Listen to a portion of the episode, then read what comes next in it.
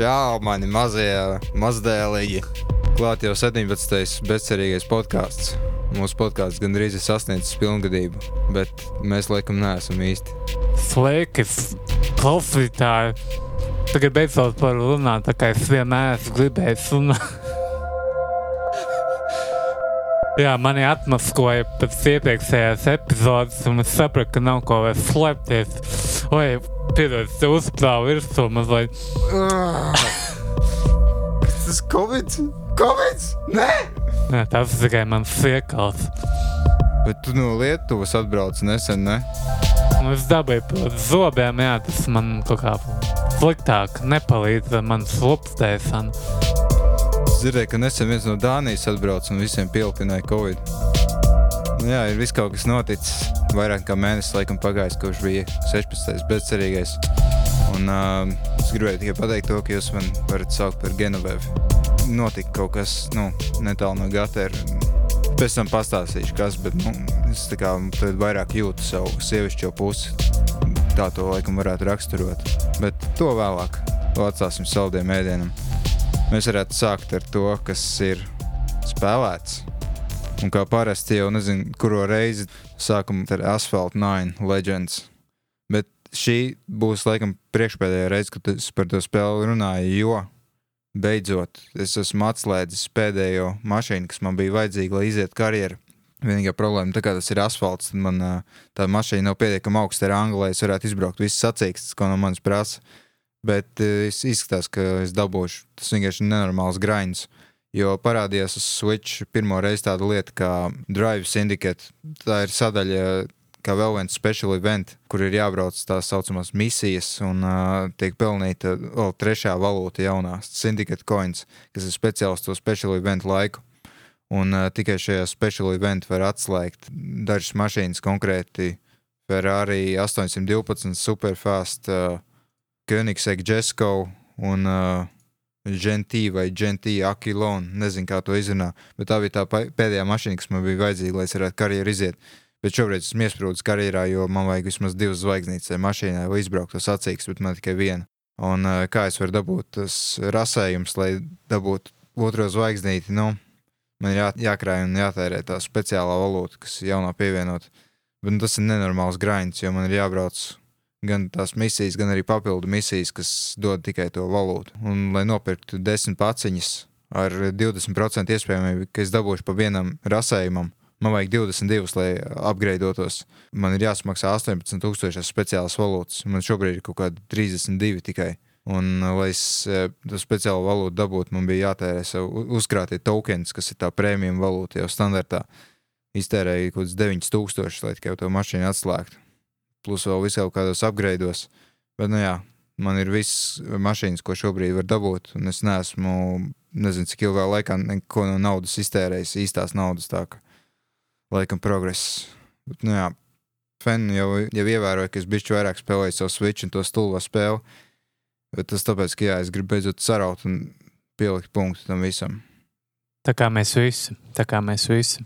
Tā kā noslēgums visai šai sūdīgai drāmai manām attiecībām ar asfaltu nainu ir uh, pavisam tuvu. Nu, cerams, jo man liekas, ka kaut ko līdzīgu jau pirms gada dzirdēju. O, tad nemaz nebija iespējams iziet. Tagad ir atšķirība tāda, ka tagad tiešām ir iespējams iziet. Es varētu tagad samaksāt kaut kādus 40 eiro, jā, un uzreiz pabeigt, bet, nu, es, protams, tā nedarīšu. Mazliet, mazliet to jāpagraindo. Atdod man. Kontu, jā? Nē, naudu.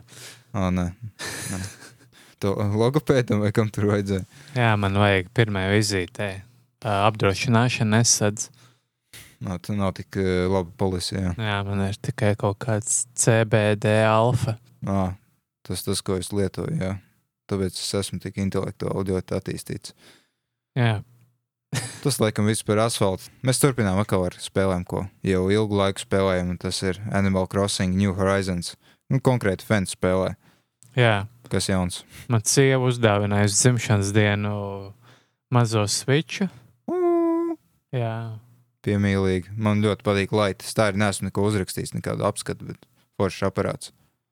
Nu jā, tā ir ļoti parocīga iekārta. Es esmu pamanījis, ka es vairāk spēlēju, nu, tā kā ņem arī līdzi. Kā mm.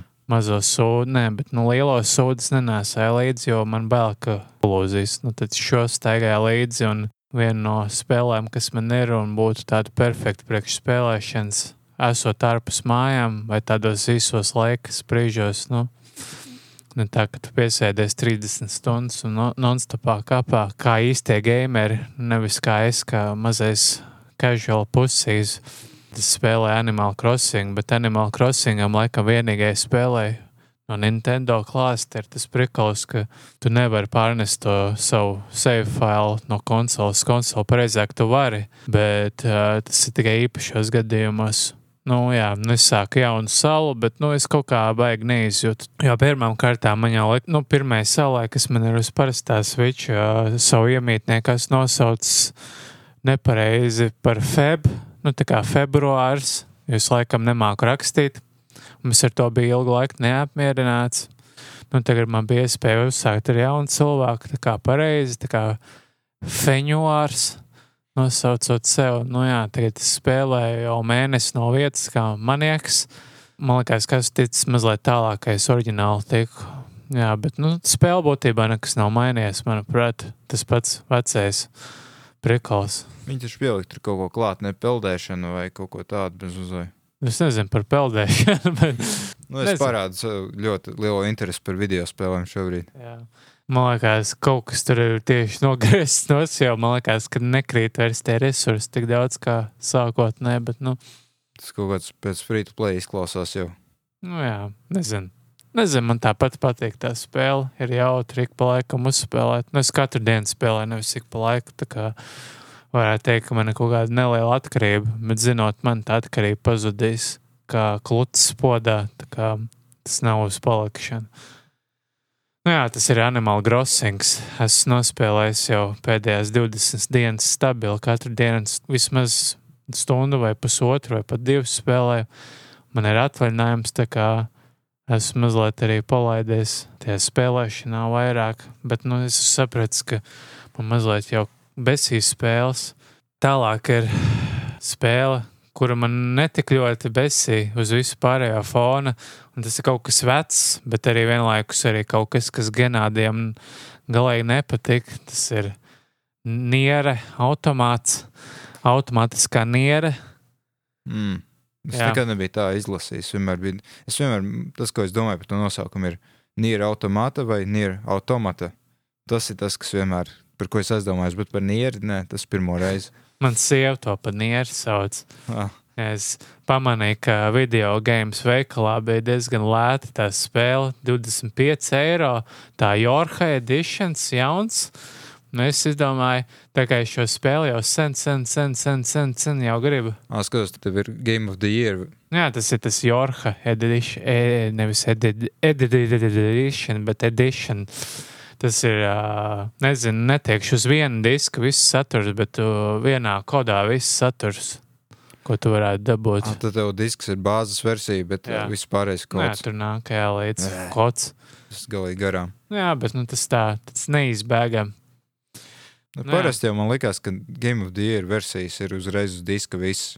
Nu, tas man liekas pēdējos desmit gadus tā stabili vairs nav kopš jau man liekas, pārdot tos mazos sūdus, tur tāda figņa, šī tāda figņa tev ir, nezinu, tāds tērps, ka tu vari reklamēt visiem pārējiem kaut kādus tur brandus pa 5 eiro, terminātoru tērps pa 10 eiro. Un, Lai gan tu priecājies, ka tev ir tērps, kurā tu vari izlikties kā T1000, tu īstenībā reklamē kaut kādu fucking IP property.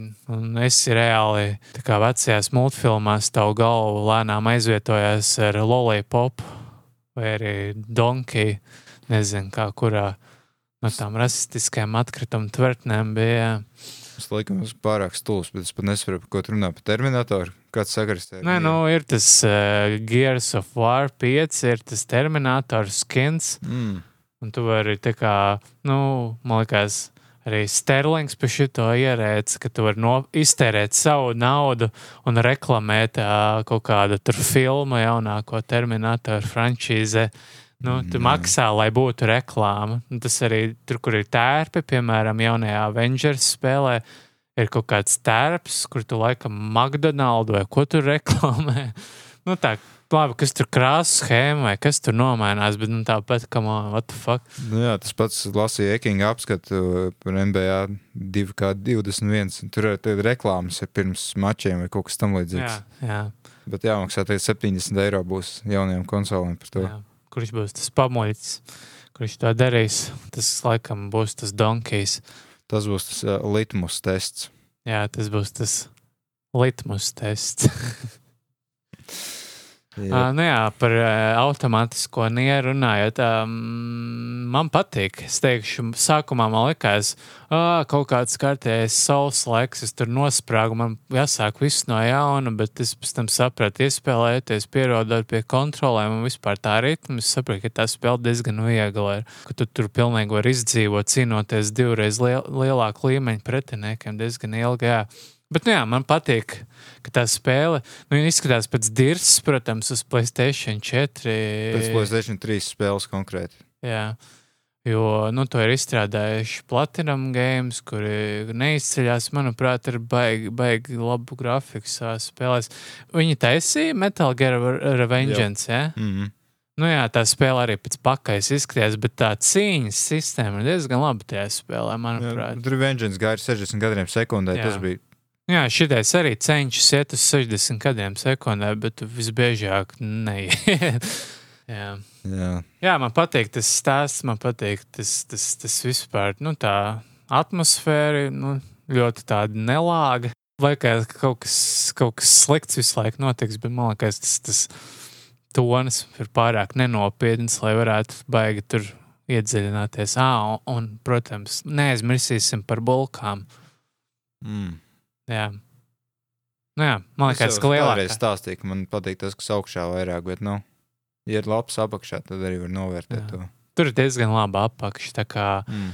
Labs fundaments. jā, tā kā arī citās platinum game spēlēs ir. Uh, viņi taisīja taču bajonētu. Vai bajonētu kaut kas cits? Jā, taisīja? taisība Nu, jā, bajonetā jau arī ir tas fundaments diezgan labs. Tā kā, Mhm. ja patīk fundaments un patīk platinum games, niera automātiskā niera neliks vilties. Kā, jā. Bet man Genovevē visvairāk tomēr patika Raidena dubs par Vengeance. Un Tas arī, man liekas, bija diezgan labi detalizēts. Ir īpaši tā, ka viņš kļūst par robotu. Tāds muskuļots. Mm. Jā. Jā, bet tas ir Android. Nē, nu, šī arī ir Android dibens. tā Kā, jā. Mm.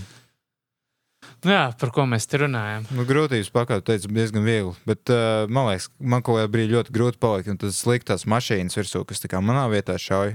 Tur, ko varēja ekipēt. Tur. Es vairs neatceros neko À, daudz. tas, jā, tev tur reizēm ir tā, ka ja tur visi tie triggeri vienlaicīgi, tā kā kādam zirnekam cilvēkam, bet, nu, man liekas, tas diezgan, diezgan stilīgi, ka tev, nu, reāli tu vari ar tiem mikročipiem arī atslēgt un ieslēgt visādas features, arī to, lai tas aparāts pats šauj par sevi, bet tev jāieliek spēlē ar easy modā. Es esmu rīktīgs hardcore gāmers, tā kā es nekad zemāk par hard or, uh, or help me daddy nelieku spēlēs. Kā Tad tu esi ritīgi hard. Jā, esmu rīktīgi hard, man tagad Help arī. me, daddy. Jā, man ir hard. Jā. Bet, nu, tiem, kas nezina, Nīra automāti ir tāda jocīga spēle, kaut kāds žanru sajaukums. Es pat ne, nemāku aprakstīt. It kā RPG, trešās personas skatu. Jā. Tāds kā hack and slash, RPG. Shoot them up. Jā, tā kā action RPG, nezinu. Tā cīņu sistēma ir da daudz piedodošāka kā, nezinu, Souls-like spēlēs, jo tu tev tur praktiski, lai izvairītos, nu, tu vari turēt vienu pogu, un tavs tēliņš tur izvairīsies automātiski. Protams, tu vari nospiest to pogu tieši tajā brīdī, kad tā poga ir jānospiež, un tad ir tā saucamie perfect dodge, un tad ir kaut kāda bonusa. Tas tā kā bajonetā arī bija tas Jā. pats. Bet tā kā jā, tajā ziņā tā spēle ir diezgan piedodoša. Nu, nu, jā. Kas tev nepatīk? Tev nepatīk stāsts, vai tev nepatīk tas, tas laiks, ka velkās, nezinu, tā spēle. Jā, kaut kas bija. Es, es vienreiz izgāju, laikam, vai divreiz izgāju. Nu, tā spēlē bija tas, ka tas, ko visi saka, tev ir vismaz vienreiz jāaiziet kaut kā tā. Jā, Tad tu sapratīsi tu to mm. -hmm. figņu domu kaut kādu. Es īsti neatceros. Nu, jā, man nepatīk grafika. Man nepatīk tas, ka saglabāšanās sistēma kaut kāda arhaiska. Kaut kas vēl bija, nu, vienkārši neuzrunāja. Es nesaskatīju to meistardarbu, ko visi pārējie tur Mareks un vēl viss kaut kas teica. Es, vairs neatceros, galīgi stulbs palicis, atsaldēts. Jā, man patīk, viens labs endings bija, ka tu apēdīji skumbriju un tu vienkārši nomeri, un tas bija viens endings spēlē. Ah, jā, Tas bija diezgan smieklīgi, bet tajā pašā laikā es biju ļoti pateicīgs sev, ka es saglabāju iepriekš, jo tad es būtu daudz nu, zaudējis, daudz mm, progresu spēlē. Jā. Jo spēle būtībā nepasaka, viņi pasaka, jā, ka tu nomirsi, bet kas notiks tālāk, to, to, to var tikai pats saprast. Jā, runājot par vecām spēlēm, arī Xenoblade Chronicles. Kas ir uh, vīz spēle? Es atceros, ka tur bija tas, ka tur bija ļoti iecienīta Japānā, vai kaut kas tāds vispār tā sērija Zenoblade ļoti iecienīta Japānā, vai kaut kas tāds. Jā, Tā bija viena pēdējā lielā gulbju dziesma Vī. Tā ir konsolē, kas nāca pēc GameCube, kur tas kustību bet vadīja. Šajā gadījumā nebija uz New 3DS. bija, bija. Viņi uztaisīja kaut kādu definitīvu edition Jā. vai ko tamlīdzīgu. Bet uh, tas spēlē, es atceros, cilvēki ļoti cīnījās, lai rietumos nonāktu. Un tagad tas kaut kāds baigies kulti hits, ir, es saprotu. Ar visu turpinājumu un turpinājumu papildinājums liels. Un... Nu, jā. Es gan nekad netiku pie Xenoblade Chronicles, tā kā tā spēle bija nu, vēl kaut cik svaiga. Kā jā, šobrīd es dabūju spēlēt uz Switch. Nu, tā spēle, kad iznāca martā, priekš Switch. Vēlāk kaut kad. Nu, jā, kaut kur izsaka, sakot, šogad kaut kad. Izdarīju lielu kļūdu, sākotnēji iegādājoties Pokemon Sword. Man tā spēle galīgi nepatīk. Un, nu, bet nu, tie bija 60 eiro, tāpēc es kādu laiku kodu sev pirkstos, ka es nenopirku Xenoblade Chronicles. Es domāju, ka tur ir veca spēle, Pokemon daudz aktuālāk. Lai gan man Xenoblade uh, 2 patika daudz vairāk, kā jebkur no pēdējām Pokemon spēlēm, bet nu, labi, es tāpat nosvērās par labu smirdīgiem Pokemoniem. Nu, tad es nesen arī līdz ar Switch Lite iegūšanu savā rīcībā nu, iegādājos arī Xenoblade Chronicles Definitive Edition. Es nezinu, vai kāds no jums ir spēlējis vispār kādu no Xenoblade spēlēm. Man ir kolekcijā Xenoblade 2 jau sen uz Switch, bet tā ir nesmu spēlējis. Es zinu, ka tur vajag 100 stundas, ja nemaldos, lai iziet. Nu, jā, tas ir vismaz. Varbūt ne 100, tad 80 stundu piedzīvojums, ja tu gribi tur nu, diezgan vispusīgi izbaudīt to spēli. Nu, jā, Bet tas ir uh, JRPG. Tas Vai- ir, bet ne klasiskajā izpratnē. Tur ir tā kā, nezinu, active time battle. Tu visi zvēriņi skrien pa lauku, tu redzi, tu no viņiem vari izvairīties. Un, ja tu gribi, tu vari ar viņiem cīnīties, viņiem pieskrienot klāt. Bet kā tas viss nenotiek pa gājieniem, tur ir tāda diezgan īpatnēja cīņas sistēma. Būtībā tas ir kaut kas mazliet netik aktīvs, kā būtu daudz spēlētāju MMORPG, piemēram. Tu zini, par ko es runāju, ka tev tur ir tavs tēls, tu pieskrien, tad tu spied pogas, tur, es nezinu, es uzbraucu ar parasto attēku, un tad es sevi hīloju ar otru pogu, un tad ir vēl, nu, kroči, tur ir 12, 60, 350 pogas, kuras katra kaut ko dara. Un šeit ir līdzīgi, protams, te nav 350 pogas, te ir, ja nemaldos, no galvas astoņas pogas, un katra tā opcija dara kaut ko no sava leņķa, piemēram, viens uzbrukums vislabāk strādā no sāna vai no aizmugures, tad ir otrs uzbrukums, kurš ir jāizmanto kombinācijā ar citu uzbrukumu. Tā kā tur ir nu, diezgan sarežģīta tā cīņas sistēma, un, ja tu uzbruc, tad tam uzbrukumam ir tā kā cooldowns kaut kādu brīdi. Tu nevari visu laiku spamot vienu un to pašu. Nu, Tad tas nav action RPG. Nē, nu, tur ir diezgan, tur ir piemēram, diezgan aktīvi jākustās pa cīņas lauku.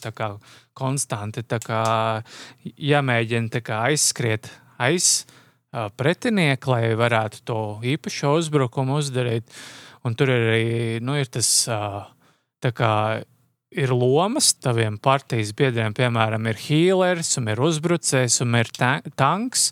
Piemēram, tankam ir visu laiku ir agro jāvāc, lai visu laiku viņam uzbruktu, un tad tavs uzbrucējs viņš var brīvi kustēties apkārt pretiniekam. Ja viņam vajag uzbrukt no sāna, viņš var arī aizskriet pie sāna, no muguras uzbrukt, nu, novērst viņam uzmanību.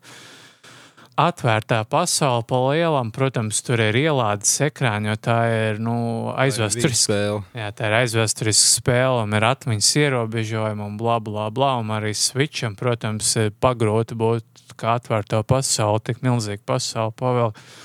Nu, jā, klasiskais nu, stāsts tur ir mazliet tāds, varbūt ne tik klasisks JRPG-iem, jo Nu. Kas tur ir kaut kādas salas debesīs, ja es pareizi saprotu? Pavisam aizmirsu, ka tur galvenais prikals ir tas, ka, nu, otrajā spēlē tas, ka ir jā, salas debesīs, bet šai spēlē ir tas, ka, nu, labi, tas nav salas, tie ir kaut kādi ķipa titāni, uz kuriem cilvēki tur dzīvo. Tas ir otrajā spēlē.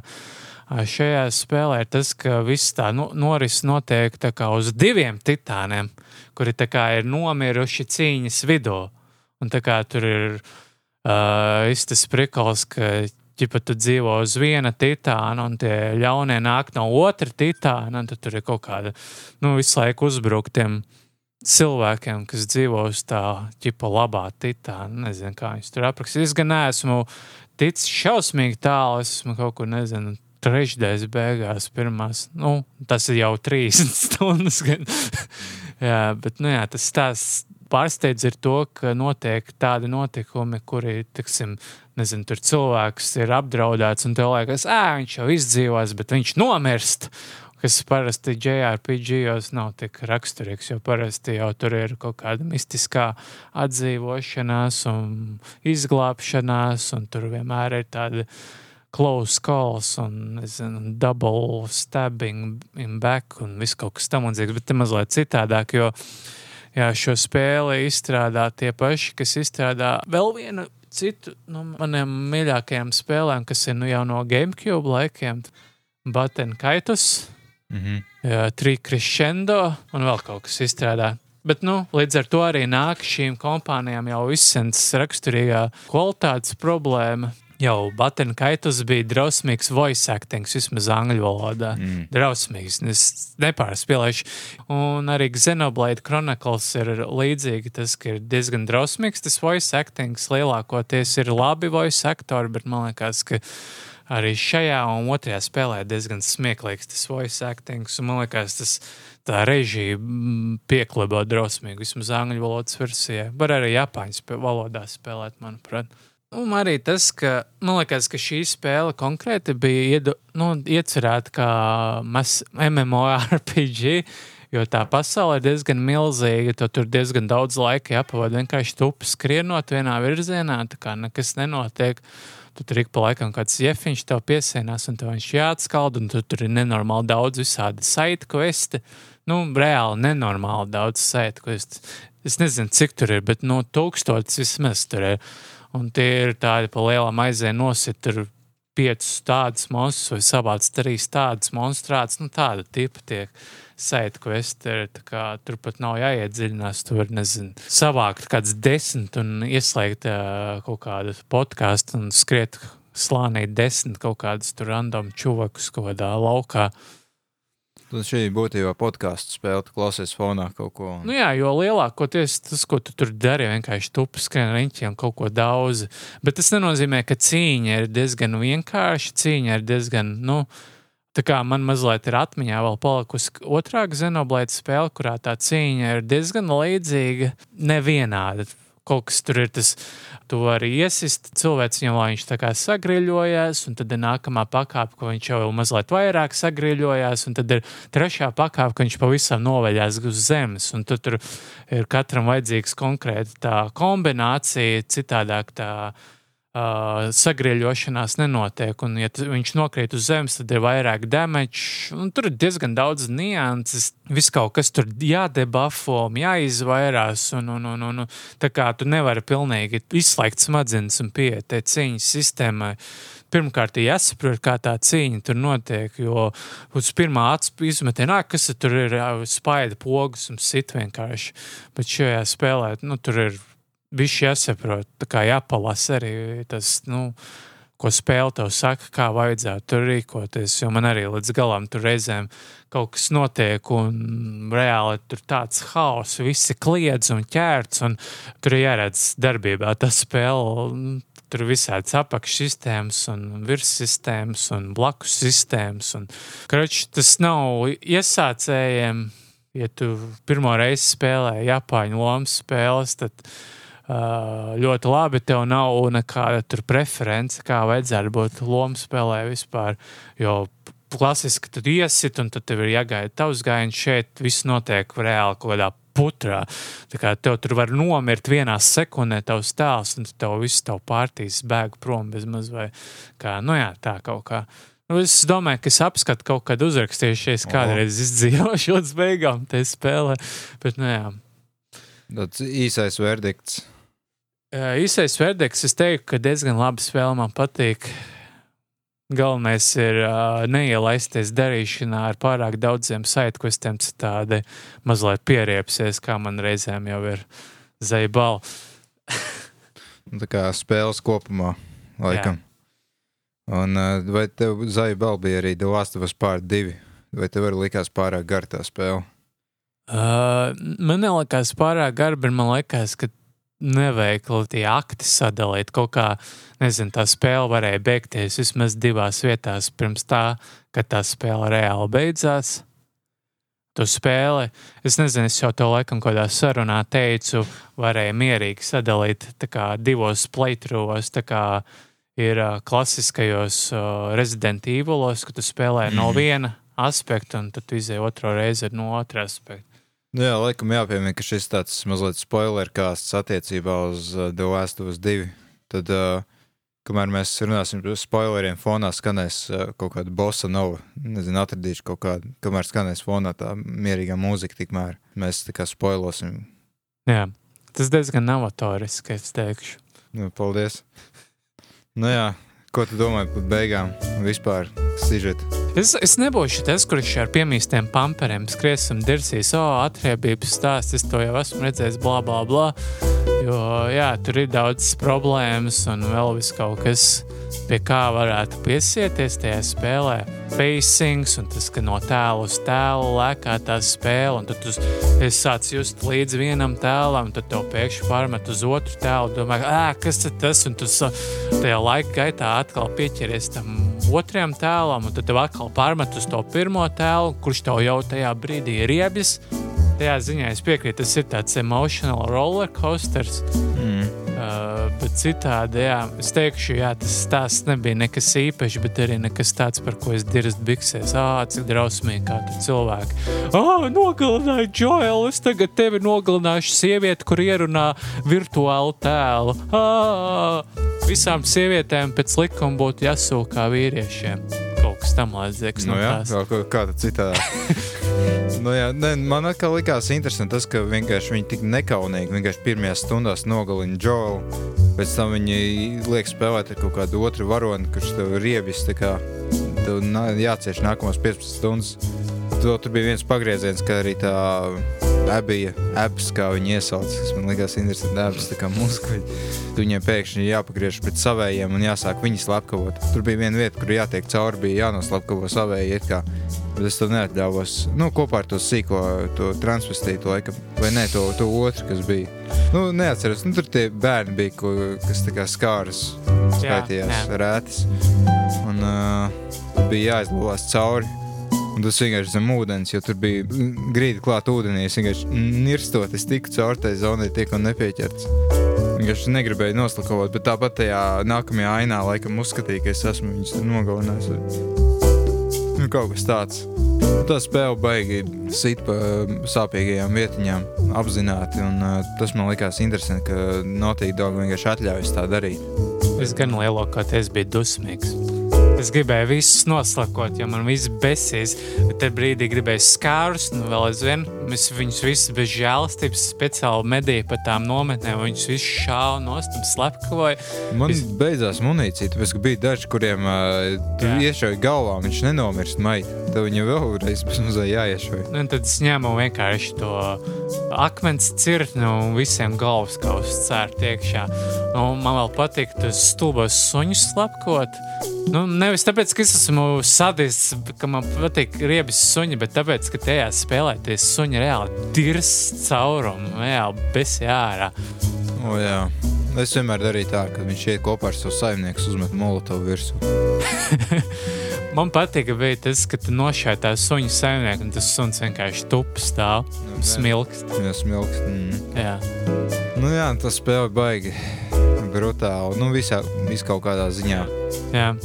Man vienīgais šoks tajā spēlē bija pašas beigas. Nu, nevis tāpēc, ka oh, es negaidīju, kas tur notiks, bet tas, ka mēs piegājām pie abijas, kur bija vispār jau zaudējusi visus savus muskuļus un visu savu Mhm. masu, vienkārši pie tā krusta, vai kas tas tāds bija piesiet, un tur reāli tajā brīdī man bija tāds dusmas uz to nu, ķipa galveno tēlu, ka viņa tur uh, vēl tās tie flashbacki rādās, kamēr viņi to dara, ka viņi tur vēl mēģina to novārgušo ebiju novākt.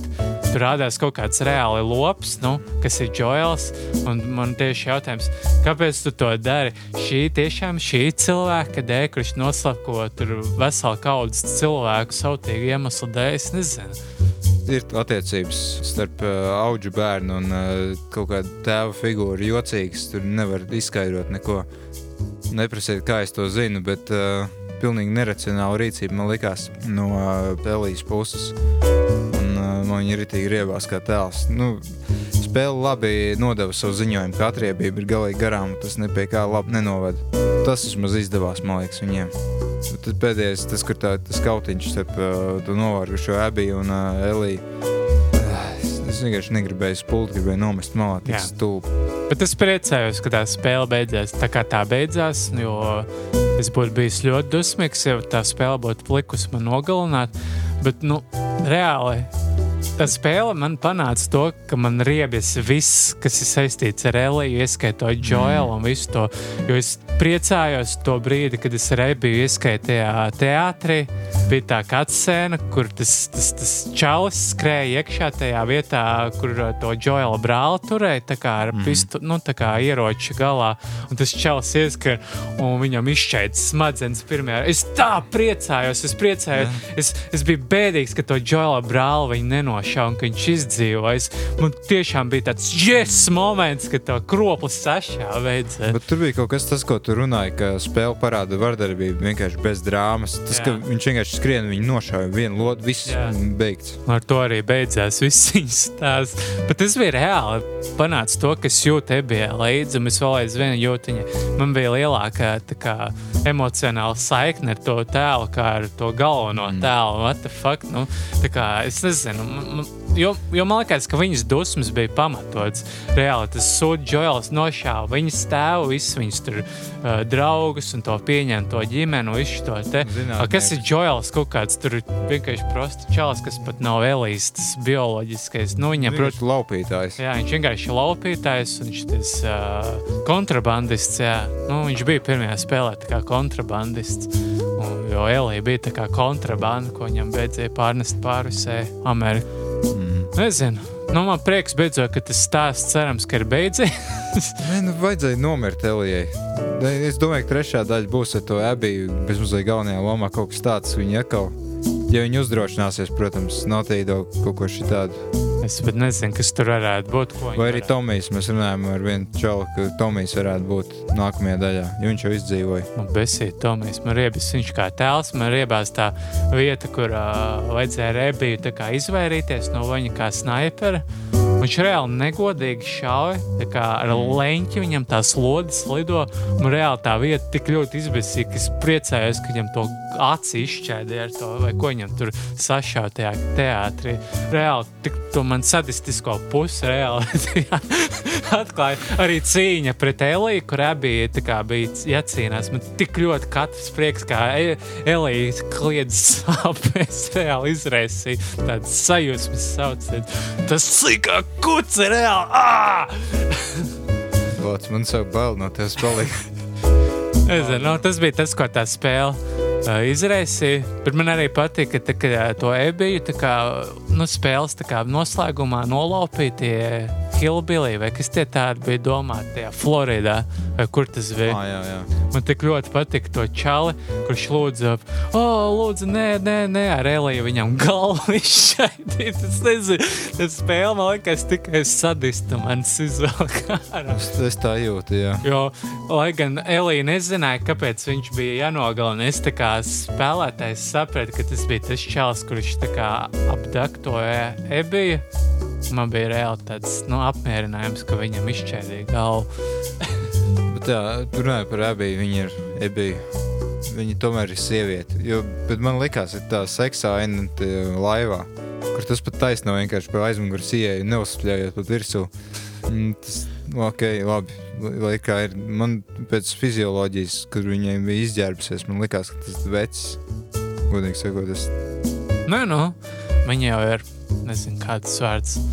Formulēta pēc īsta cilvēka parauga. Tur jau ir tā sieviete, kas ir MMA, uz kuras bāzes viņa cēlā taisīt. Oh, es nezināju. Jā, viņa ir tā kā, nu, tādas sievietes ir. Steroīdu sievietes. Es gan, es, protams, nezinu, uz kā viņa ir taisīta. Es nezinu, es lasīju, protams, internetā par to, vai sieviete var sasniegt bez steroīdiem tādu muskuļu masu. Es pat lasīju diezgan daudz zinātnisko žurnālus un pētījumus. Un, jā, es nonācu pie secinājuma, ka tas ir iespējams, ka var Jā. pie tādas fizikas. Tā kā, protams, sievietē būs uh, mazliet grūtāk kā vīrietim to masu, jo uh, sievietēm, cik saprotu, vairāk ir taukauda ķermenī kā vīrietim. Tā kā vīrietim vieglāk mazliet tos ku- muskuļus uzskačāt, bet katrā ziņā var sievietes sasniegt tādu fiziku kā vīrieši. Nu, nevis fiziku, bet fizioloģiju kā vīrieši. Nu jā, tur, protams, arī bija vēl viena no tām pretrunām sabiedriski apspriestam šajā spēlē, vai tas mazais, tas transgender uh, bērns. Tā, Lilija vai kā viņam tur bija tas otrs? nu jā, skāra rētājiņa divīzijas bijusi tā meitenīte, kur izdomāja kļūt par zēnu. Nu, es nezinu, Man tas likās tik, tik nedabiski, tā vienkārši iesprāgts iekšā. Jā, tas jā, man liekas, arī mazliet nevajadzīgi. Es kā neesmu baigājis transfobs vai kas tur. Man, man baigi neinteresē, kā cilvēks sevi identificē. Bet nu, šeit likās, nu, priekš kam viņi varēja vienkārši zēnu ielikt vai mazu meiteni, kas ir zēns vai maza meitene. Tur baigi neko nemaina. Pirms kaut kādas pubertātes tur nav baigās atšķirības starp abiem dzimumiem. Nu, jā, tur tā lieta, es sākumā domāju, ka tas ir kaut kāds zēns, kuram ir vienkārši tāpēc, ka nevarēja atrast zē- zēnu voice actors, piesaistīts meitenes voice actors. Tā Kā, nu, jo tas ir diezgan izplatīti, tīpaši Japānā spēlēs uh, mazu zēnu ierunā meitenes. Oho. Jā, tāpēc man tas baigi neizraisīja nekādu beigu. Pēc tam es spēlēju, tikai sapratu, ka tas ir tas tēls, par kuru viss cepjas. Man vispār neizraisīja nekādas emocijas, tas cilvēks kā tāds. Man arī. Es tikai pēc tam, kad viņi tur atklāti sāka tur kaut kā. Lilija, Lilija, nu, tu sāk Jā, jā. saukt, tad, tad es man pielicu, bet tā man baigi neinteresē. Mm. Tas likās kaut kā nevajadzīgi. Jā. Tā ir laikam uh, Playstation 4 gulbi dziesma, lielākā spēle. Nezinu, laikam man liekas, ka līdz kad kuram novembrim Playstation 4 vairs nekādu renesansu nepiedzīvos. tā Kā, jā, gaidām šīs spēles remasteru vai upgrade, vai kā to pie vēlna sauc nākamajā paudzē. Mēs jau nezinām skaidri, kā būs ar Playstation 5 to backwards compatibility laikam. Saprotu, ka vienkārši top 100 spēles spēs atskaņot un Domāju, ka šis būs tas upgrade variants. ā, kaut kāds patch Jā. slēpjas. Droši vien, jā. Jā, Pelns vien. Bet gan jau, nu, nezinu, vai būs kaut kāds DLC vai nē, bet man liekas, ka tur tas stāsts, kuram nevajadzēja nekādu turpinājumu, nu, šobrīd galīgi ir noslēdzies. jā. Ne, bet savā ziņā man labi vien ir, ka eksistē tā spēle, jo tāds riskants solis no studijas puses, man liekas, kaut ko tādu uztaisīt. Nē, nu, gameplays bija apmierinošs. Tas, kā. Ļoti tīpaši tev kā sadistam. Jā, Atgriežoties pie Nintendo Switch spēlēm, Paper Mario, The Origami King. Abi esam spēlējuši, bet nu, es tikai ļoti maz. Tu droši vien tālāk esi ticis. Tad jaunākā Switch spēle, tā lielā, oriģinālā. pagaidām. Jā, un uh, no sērijas Paper Mario, kas ir uh, klasiski bijušas kā kam pirmsākuma meklējumu uz Super Nintendo kā Paper Mario RPG. Nu, kā skatījums bija vienkārši Mario RPG. Jā, kaut kas tāds Super Mario RPG. Nu, toreiz viņi visam super lika priekšā, lai parādītu, ka tas ir uz SNES. Un uh, šī, jāsaka, jaunākā daļa man baigais RPG neliekas. Man liekas, pieredzes punktu vairs vispār nav. Nav. Tur jā, tas cīņas, man liekas, ir absolūti bezjēdzīgs tajā spēlē. Jā, kā lai to apraksta, nu, Paper Mario vienmēr bijušas gājienu cīņas, un ritmā vēl jāspēj pogu, lai dabūtu bonus lielāku sitienu spēku. Un uh, te ir pievienots tas, ka tur ir jāgroza kaut kādi riņķi apkārt. Pretinieki Mario ir izvietoti kā apļos. Jā, Tas ir jāgroza. tā kā, nezinu, Rubika, Rubika kups. Viņi visi sakārtoti kaut kādā izklaides secībā, un tev ir iespēja maz, maz kustībām. Ir tas Rubiks kā jāsaliek tā, lai tie pretinieki sastātos vienā rindā vai tādā Vai- čupā. Vai arī, nu jā, kā kvadrāts. Jā. Un tad tu dabū, ja tu to izdari mazā gājienos, kā, nu, kā ir optimāli, tad tu dabū super bonus, kas ir divas reizes. Bet, ja tu izdari uh, tajā atvēlētajā gājienā, skaitā, kas skaitās optimāli, tad dabū uh, nu, pusotru to damage boost. Nu, jā, tur ir mazliet tā nianse, bet būtībā, cik es spēlēju, tās spēles cīņas ir pilnīgi bezjēdzīgas. Tu neko neiegūsi no tām cīņām kā naudu, bet nauda mētājās arī citās vietās, kokos. Tur daudzīt visu, Jā. visu to kartonu papīru pasauli, kas ir apkārt. Nu jā, Paper Mario tas ir. Tas nozīmē, ka pasaule ir kartons.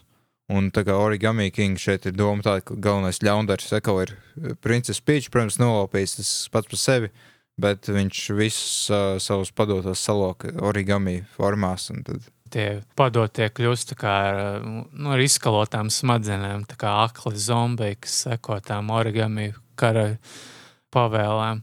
Tu laikam netiki tik tālu, cik es, bet uh, šeit atgriežas viena tāda nianse, kas Nintendo pēdējos gados ļoti, ļoti, ļoti patīk. Varbūt to var uzminēt, kas tas ir nezinu.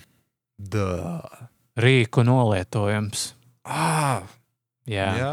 Mm -hmm. šeit ir māmuram un zabakiem. vai? Jā, Nē, nu, tas, kas tev ir standartā, tiem nav. Bet šeit ir uh, Es visam pārējiem. Kaut ko bija. Es mm, spēlēju to Paper Mario daļu 3DS stikers, tā laikam saucās. Un tur arī bija kaut kas ar uzlīmēm, ka tev visu laiku jāmeklē, lai tu varētu uzbrukt uzlīmes pasaulē, kaut kas tāds. Nē, nu, šeit tu vari uzbrukt ar, arī ar standarta zābakiem uz uh, un āmuru, bet uh, tas nav tik spēcīgi. Un, piemēram, tu nevari ar standarta zābakiem lekt uz tiem asumainajiem pretiniekiem virsū. Tad tu viņus tikai ar āmuru var Nu, jā, saskaldīt. klasiski, jā. Jā, bet nu, man šī spēle, es teiktu, ir diezgan liela vilšanās. Mm. Kā, ja salīdzina ar The Thousand Year Door, kas ir GameCube ekskluzīvs, tad šī spēle ir diezgan liels solis uz atpakaļ, jo, manuprāt, stāsts ir gan tāds diezgan garlaicīgs. Jā, man liekas, ka humors nav gluži tajā Jā. savā agrākajā spicumā. Jā, jo GameCube spēlē, man liekas, es tur visu laiku rēcu. Protams, jā, tas bija pirms gadiem desmit vai cik tur. Varbūt man tagad vienkārši esmu palicis tik trolls, ka es vispār par neko nevaru pasmieties. Bet reāli ir kaut kā tas šarms pazudis un tās cīņas vairs neliekas tādas, nu, vispār nepieciešamas. Es vienkārši skrienu garām visiem, man vienalga, jo man tā nauda nafīgi nav vajadzīga. Viņi neko vispār nedod tajā spēlē. O, man ir 20,000 koinu, ko es ar viņiem iesākšu? Neko. Nopirks ieroči, kur tev izbeigsies pēc brīža, kam tev tos ieročus vai lai uzveiktu pretinieks, kuriem tu vari paskriet garām. Jā, es tik tālu nebiju tik daudz spēlējis, lai es nonāktu pie tādas atziņas, bet es jūtu, ka jā, tas, ka RPG elementi izņemt ārā, tad uzreiz tā bezjēdzīgi paliek. Nu, jā. Nezinu, varbūt tālāk, varbūt vairāk būs vajadzīgi. Nezinu. Bet, nu, jā, pagaidām tavs vienīgā tā progresa latiņa ir tie nu, golden coini. Manuprāt, tas baigi neaicina vispār man kaut kā iesaistīties tajās cīņās, jo tās cīņas reizēm ir kaut kādas nevajadzīgas, čakarīgas, tev pielien, nezinu, man ir bijuši tā, ka man kaut kādi 12 pretinieki pieskrien, un nedod Dievs, es nesaprotu, kā tajās 30 sekundēs viņus sakārto tā, lai dabūtu to bonus damage, tad viņi man visi izvaro tajā cīņā, jo viņi... Ah, bet tu vari maksāt taudiem, lai palīdz Nu, jā, tas arī, bet nafig. Es vienkārši, vienkārši paskatu viņam garām. Jā, skumji. Nē, nu, pagaidām izskatās, ka tas metakritika vidējais skors ap 75, ja nemaldos. O, tik maz, tā kā iznāca bija kaut kāda 80 pāri. Jā, 79 šobrīd ir. Jā. Jā. Kaut kāda apskata, vēl domā, kaut ko Es izskatīt. domāju, es noteikti apskatīšu. Bet man, jā, kā jau es teicu, ko ir podkāstā sākumā mazliet izbēsījuši spēles kopumā. Es tagad vienkārši tupi skatos kaut kāds stulbs seriāls vai films. starp citu, Better Call Saul es sāku skatīties diezgan oh, interesants. Es skatījos, bet laikam tikai divas sezonas redzēju. Jā. Es tagad esmu otrās sezonas kaut kur otrajā pusē. Lai gan tur diezgan daudz garlaicīgas vietas, bet, nu, ir kaut kas. Breaking Bad tas nav katrā ziņā. Nē, nē, nē, nav, nav protams, protams. Nu, varbūt nu, ieskriesies piektajā sezonā, lai gan es nezinu, ko viņi zina. Ā, tas vēl aizvien ir aktuāls, kā viņi filmē. Jā, jā, ir tagad piektā sezona, nesen tika laista klajā. Mm. Jā, mēs mazliet laikā novirzījāmies no kursa. Nu jā, bet spēles. Uh, man, vien- man dzīve ir apnikusi. Tas ne tikai spēles, bet nu, tas tā, jāatpūšas beidzot. Nē, tev vajag atvaļinājumu paņemt. Jā. Tad runājot par jaunām lietām un skaistām. Nu, no jā, ka pie ziņām man ir jaunās Xbox kastes. Sexbox, S un X. Jā, tas laikam iezīmē jauno Microsoft kursu, kur viņi tā sadala tās konsoles X un S sērijās, kur S ir sūdīgā tieši kā S burts apzīmē, un X ir extreme. Man liekas, ritīgi viņi fragmentē tirgu, jo es nesaprotu īsti. Nu, jā, lētāk uh, kastu kā nabagiem, kur pērk uz nomaksu un vēl visu kaut ko 300 eiro. Viņi, tas viss, ko viņi var atļauties, tas veids, kā ielikt nākamajā paudzē. Bet tas kaut kā baigi sadala, jo tas īsti nesaprotu jēgu, ka nav tāds viens standarts normāls, ka tad ir divas konsoles no tā paša ražotāja. Un tad izstrādātājiem ir jātēmē gan uz to S, gan uz X. Ne, nu, īstenībā tagad jau bija ar to Xbox One S un X, nu, parasto, bet man liekas, ka prātīgāk būtu vienkārši kā Playstation 5. Tev ir viens standarta uh, SKU, nu, bāzes specifikācija, pie kā tu turies un miers. A, Tagad izstrādātājiem jādomā, kā apmierināt tos nabagus ar to savu uh, 300 eiro konsoli un kā apmierināt tos, kam ir pilna piena 500 eiro kaste. Es pat nesaprotu, ar kuru galvu viņi izdomā. Jā, jo teraflop ir mazāk nekā Xbox One X. Mēs, Jā. ok, tā ir jaunāka arhitektūra, daudz efektīvāka un tā tālāk, bet uh, uz papīra galīgi neizskatās pievilcīgi.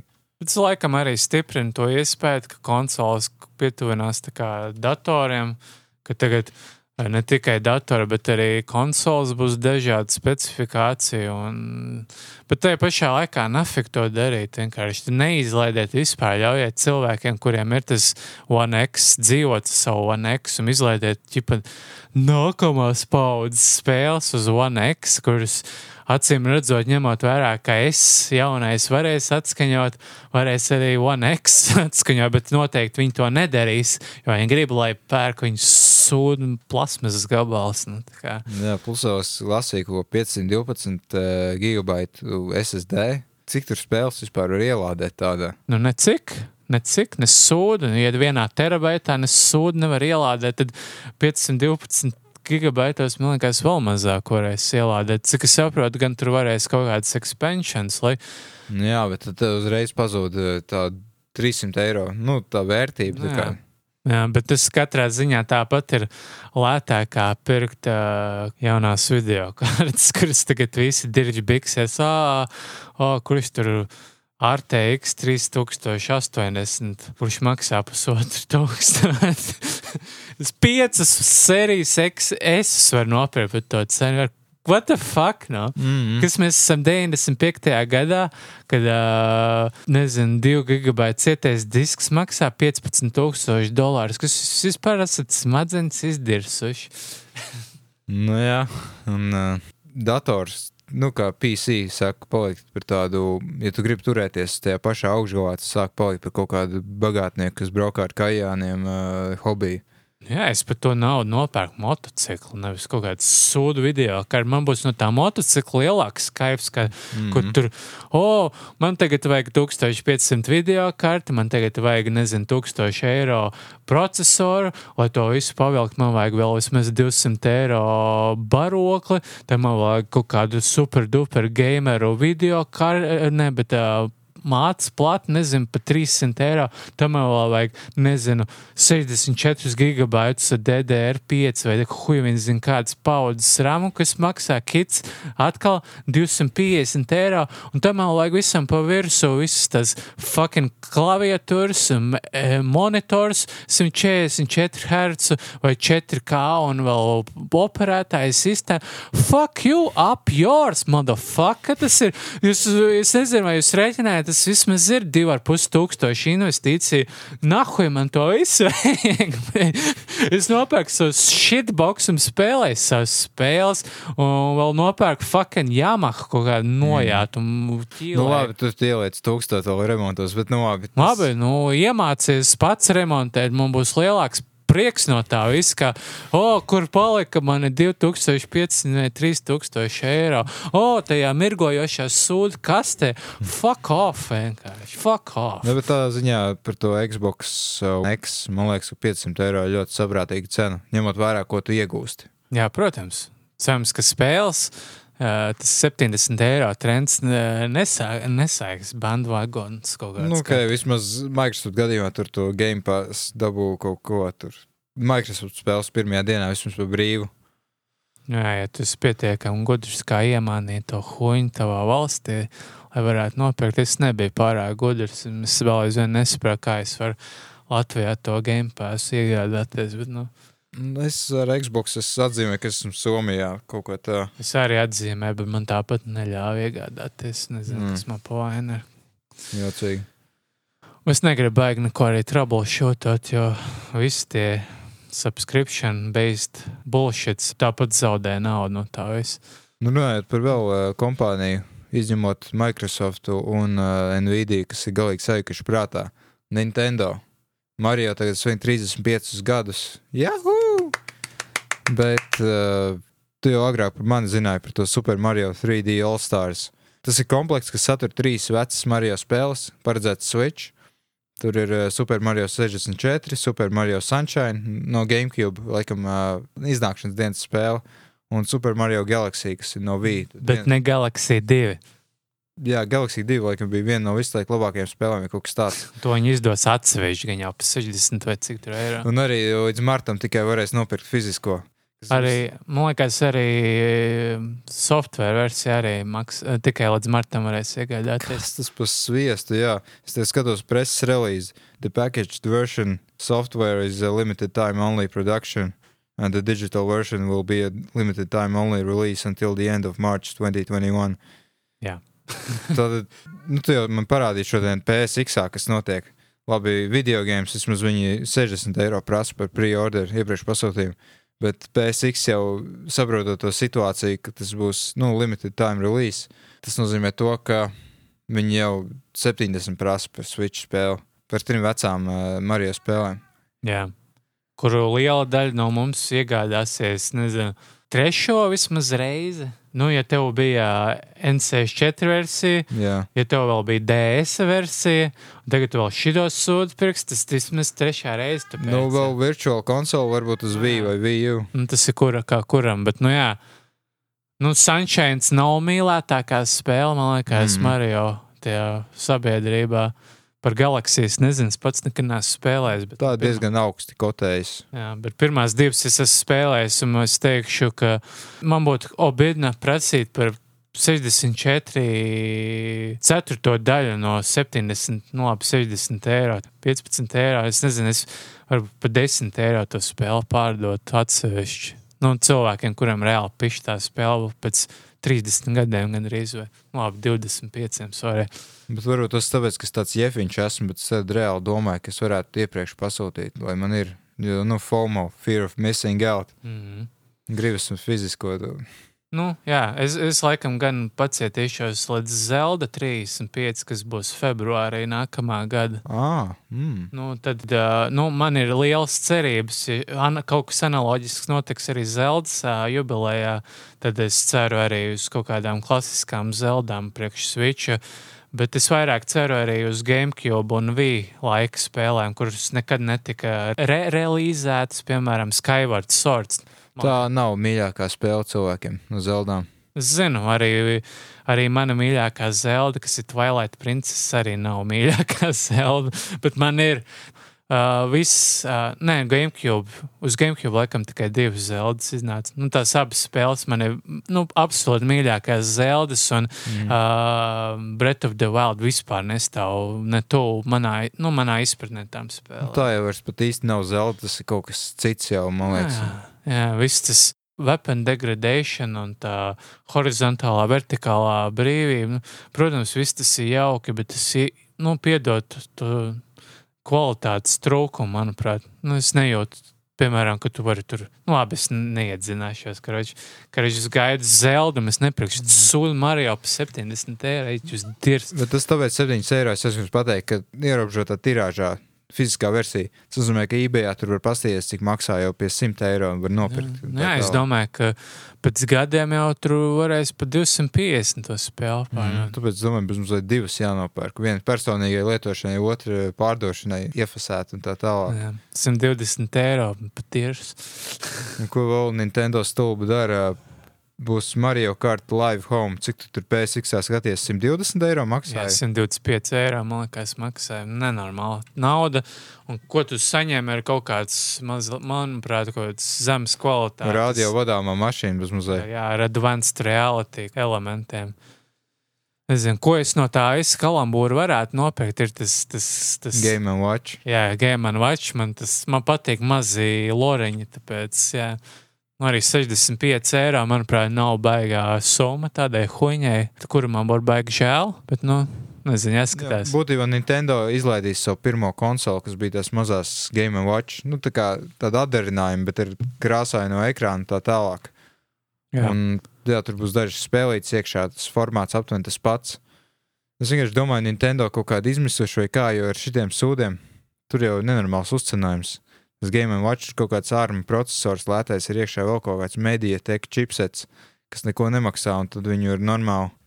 Varbūt viņiem tik zaļi neiet, tāpēc viņi ir šo nodarbojas. Nezinu. Nezinu, visu laiku viņi tur saka, ka Switch tur ir kārtējās expectācijas iznīcinājis. Nezinu, kas viņiem pa vainu varbūt alkatība ieslēgusies Konami liktenis. Jā, beigās būs pačinko aparāti ar Nintendo tēmu. Jā, viņi arī izziņoja to jauno Hyrule Warriors spēli. Es gan nesaprotu visu cilvēku histēriju tās spēles dēļ, jo visi domā, ka tas būs beigais prequels, Breath, nu, Breath of the Wild. O, jā, es pat nepaskatījos preses realizmu, tad ir priekšā. Tā ir Warriors spēle. Jūs zināt, kas ir Warriors? Tas ir mm. Dynasty Warriors ar citu skinu. Nu, tas, yep. tā, tā nav Zeldas spēle, tā nav reāla Zeldas spēle. Tur teiks, ka iedvesmota no Breath of the Wild. Nu jā, bet nu, tāpat nu, es paskatījos, tā spēle, protams, izskatās jautri pēc norises, bet nu, tas noteikti visiem šiem histēriķiem liks, liks vilties un būs atkal, oh, Nintendo, jūs batfakojat mūs, ko stulbē Nintendo fanis, viņus ciest nevar. Nu jā, tas laikam no jaunumiem viss. Nu, viss kaut kas jau ir noticis, bet mēs baigi nesekojam līdzi. Jā. Vesela caurē ar spēlēm novembrī, 10. pēc 10. novembra iznāks. Izskata. Nu, jā, tāpēc, ka Xbox Series X tad būs. Un... Jā. Ubisoft man, man gan liekas interesants, Watch Dogs Legion jāatzīst. Tas man mazliet interesē. Jā, bet zinot, Ubisoft, man liekas, ka viņi sačakarēs tavas ekspedīcijas reāli. Man arī katru reizi, oh, jā, oh, jā, bļā! Un tad tu sāc spēlēt, tas ir kārtējais turnīra apšanās simulators, ko mēs esam redzējuši vismaz kopš Playstation 3 laikiem, un viņi solīja Playstation 4 laikā, laikos, ka viņi mainīsies, un viņi nav mainījušies. Tagad jau ir Playstation 5 laika, un es esmu pārliecināts, ka Eh, Valhalla un Legions.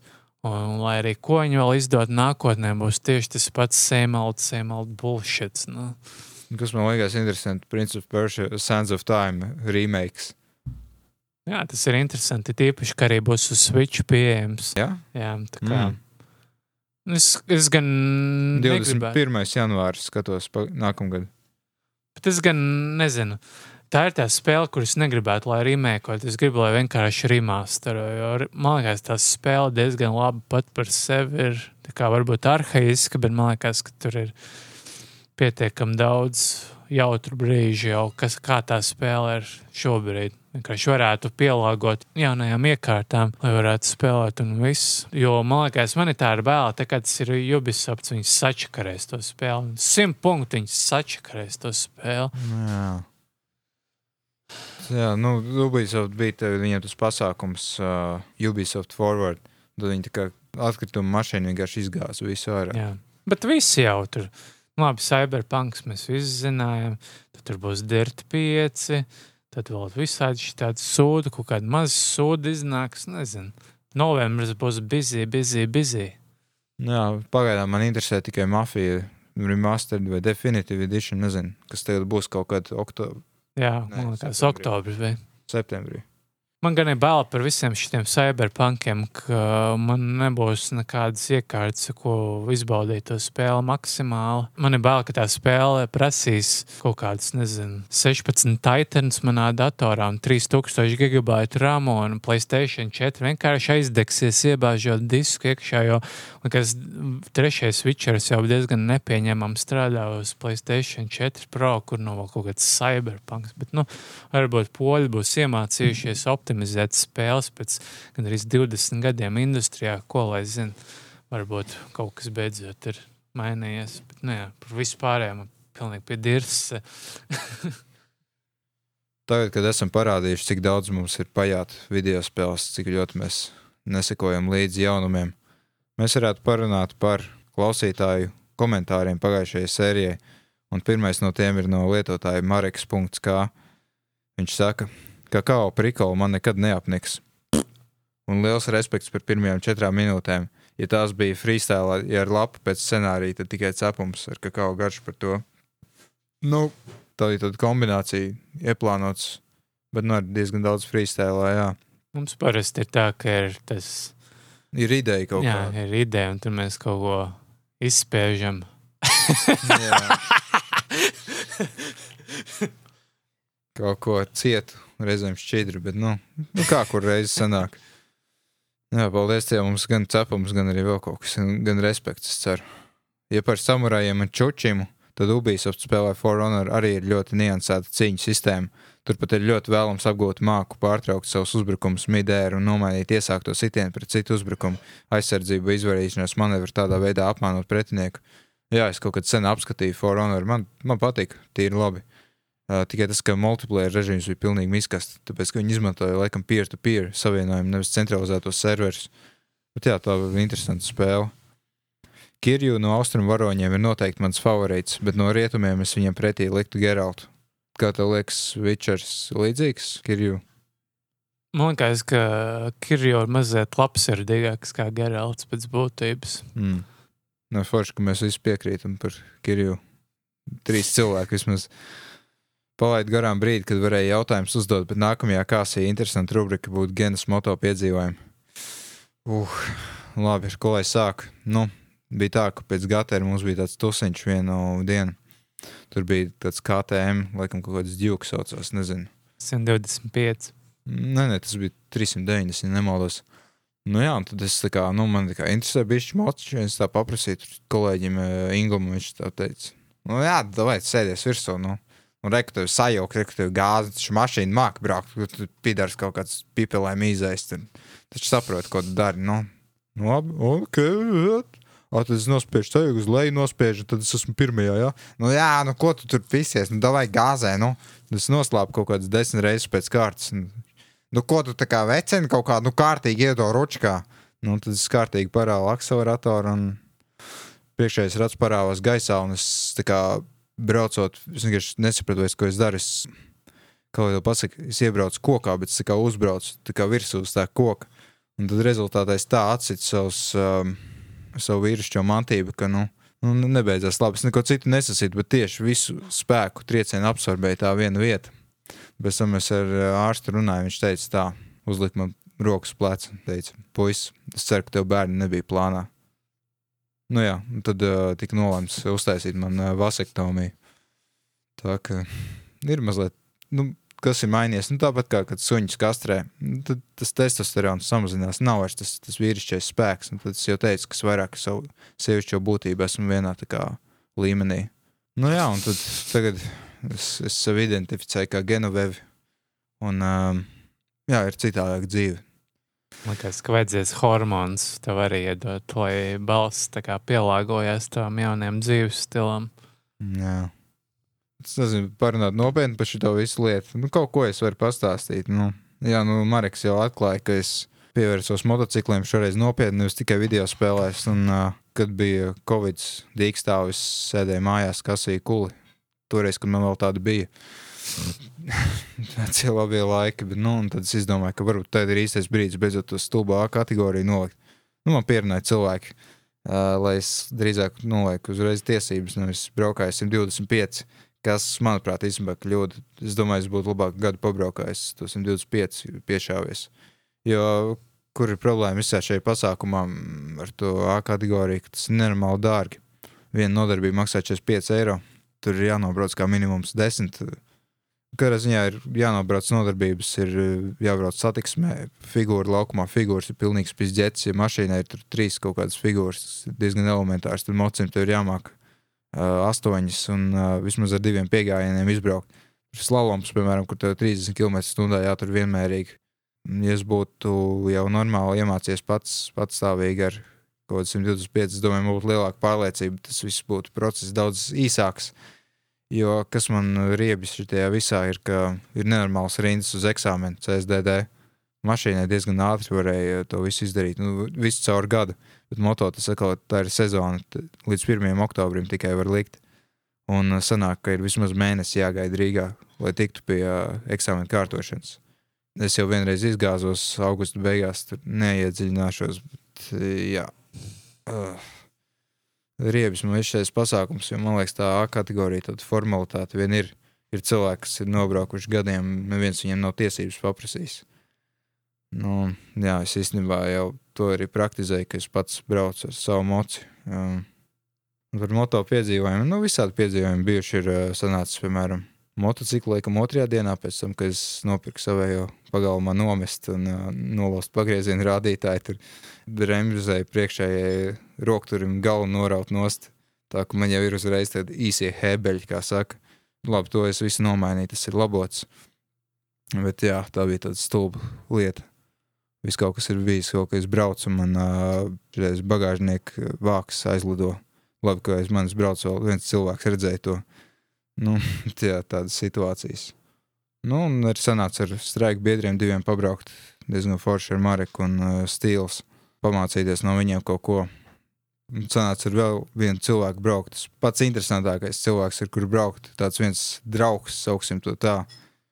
Man liekas, ka ir vērtīgi, ja jums ir vēl kāds cilvēks, ka jūs mācāties braukt, kas ir aptuveni vienā līmenī, prasmju, un tad jūs varat kopīgi kaut cik, nu, tāda lielāka kopīga sajūta. Jā, tad viss kaut kāda piedzīvojuma, ka tur brauc Rīgā vakarā vēl un meklēju pēdējo kādas ātrās ēdināšanas iestādes filiāli, kas ir vaļā. Tad sanāca vēl naktas vidū mēģināt uzlikt moci uz centrālā balsta tagad diviem idiotiem. Divi iefiņi, kas pēdējo naudu nopirkuši močus un uh, ritīgi nožēlo to visu. Tāpēc, ka nu, tas ir ļoti dārgs prieks. Tas tāpat kā lietot mašīnu, nopērts moci, tu noteikti ieliks vēl viss kaut kas būs jālabo. Ir atsevišķi gadījumi, jā, kad paveicis esmu atrast labu sludinājumu, bet, nu, jā, ir kā ir. Protams, var jau paņemt kaut kādu kredītu, vēl kaut ko, bet tas man liekas pilnīgi idiotiski. Vislabākais ir, ja jūs, jums ir tāds mērķis, apņemšanās, to moci, jūs sakrājat naudu un nopērkat skaidrā savu pirmo, un pēc tam skatāties, tur visu kaut ko liekat, iekšā labojat un tā tālāk es tā baigi nesakarīgi runāju tagad, jo esmu ritīgi izbēsīts. Viss kaut kāds šī nedēļa vienkārši vaiprātīgi. Es domāju, varu, kad es tikšu galā beidzot ar šo lietu. Ja, ja man tas šogad izdosies, es ceru, tad es varu kaut ko vairāk uzrakstīšu. Jo, nu, ja šitais viss pasākums arī ir viens no iemesliem, kāpēc es tik maz laika veltīju straiku, tāpēc, ka visas tās apmācības vēl kaut kas, nu, tas paņem enerģiju. Un ko es iemācījos, ar mociju nav grūti braukt vispār. Tu 125 tā kā ar kaut kādu riteni motorizētu, vienkārši kas pats sev velk uz priekšu. Nu, ar moci nav grūti braukt, bet grūti ir tās figūras, man liekas, izbraukt pēc visiem tiem augstiem standartiem, ko prasa. Un uh, laba mācība ir, ka man tiešām arī sanāca ar moci nokrist. Ka tagad, kad tu brauc, tu nedomā par visām pārējām lietām, tu koncentrējies uz braukšanu. Tā kā veids, kā tu aizbeidz no vispārējā, varbūt savā ziņā atpūties no pārējās pasaules. Ir jākoncentrējas, ir jāuzņemas atbildība, kad tu brauc. Es uzskatu, ka vajag arī visu ekipējumu. Tas arī ir ļoti dārgi, ja jums tā kā nav normāls bikses ar aizsargiem, iestrādātiem jaka. Tas viss arī tas, ko eksāmenā prasa. Piemēram, ir cilvēki, ko eksāmenā nav, nemaz nav pielaiduši pie braukšanas, jo viņiem nebija ceļu sargi. Nu, vai bikses, kur ir iestrādāti iekšā. Iedomājieties, gaidīt mēnesi, un tad beigās tāds ablums.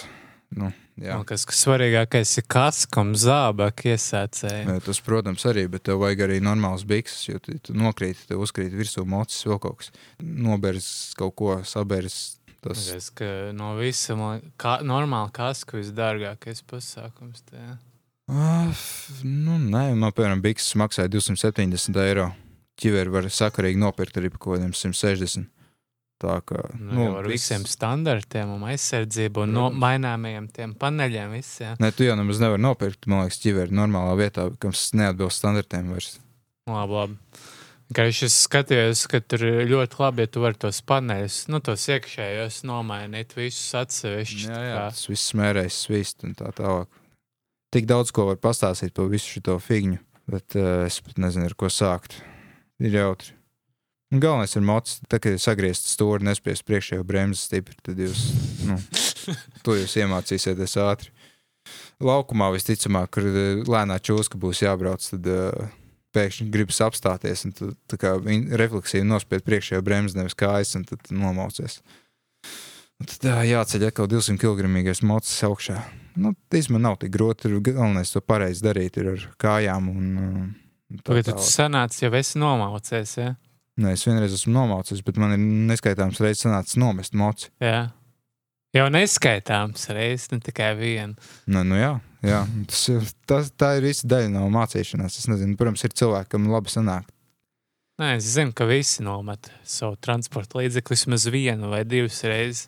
Ar moci ir tā, ka visa, ir tie, kur ir krituši, un tie, kas vēl kritīs. Tā par motociklistiem. Es atceros, ka man bija septiņi vai astoņi gadi, es braucu ar mopēdu.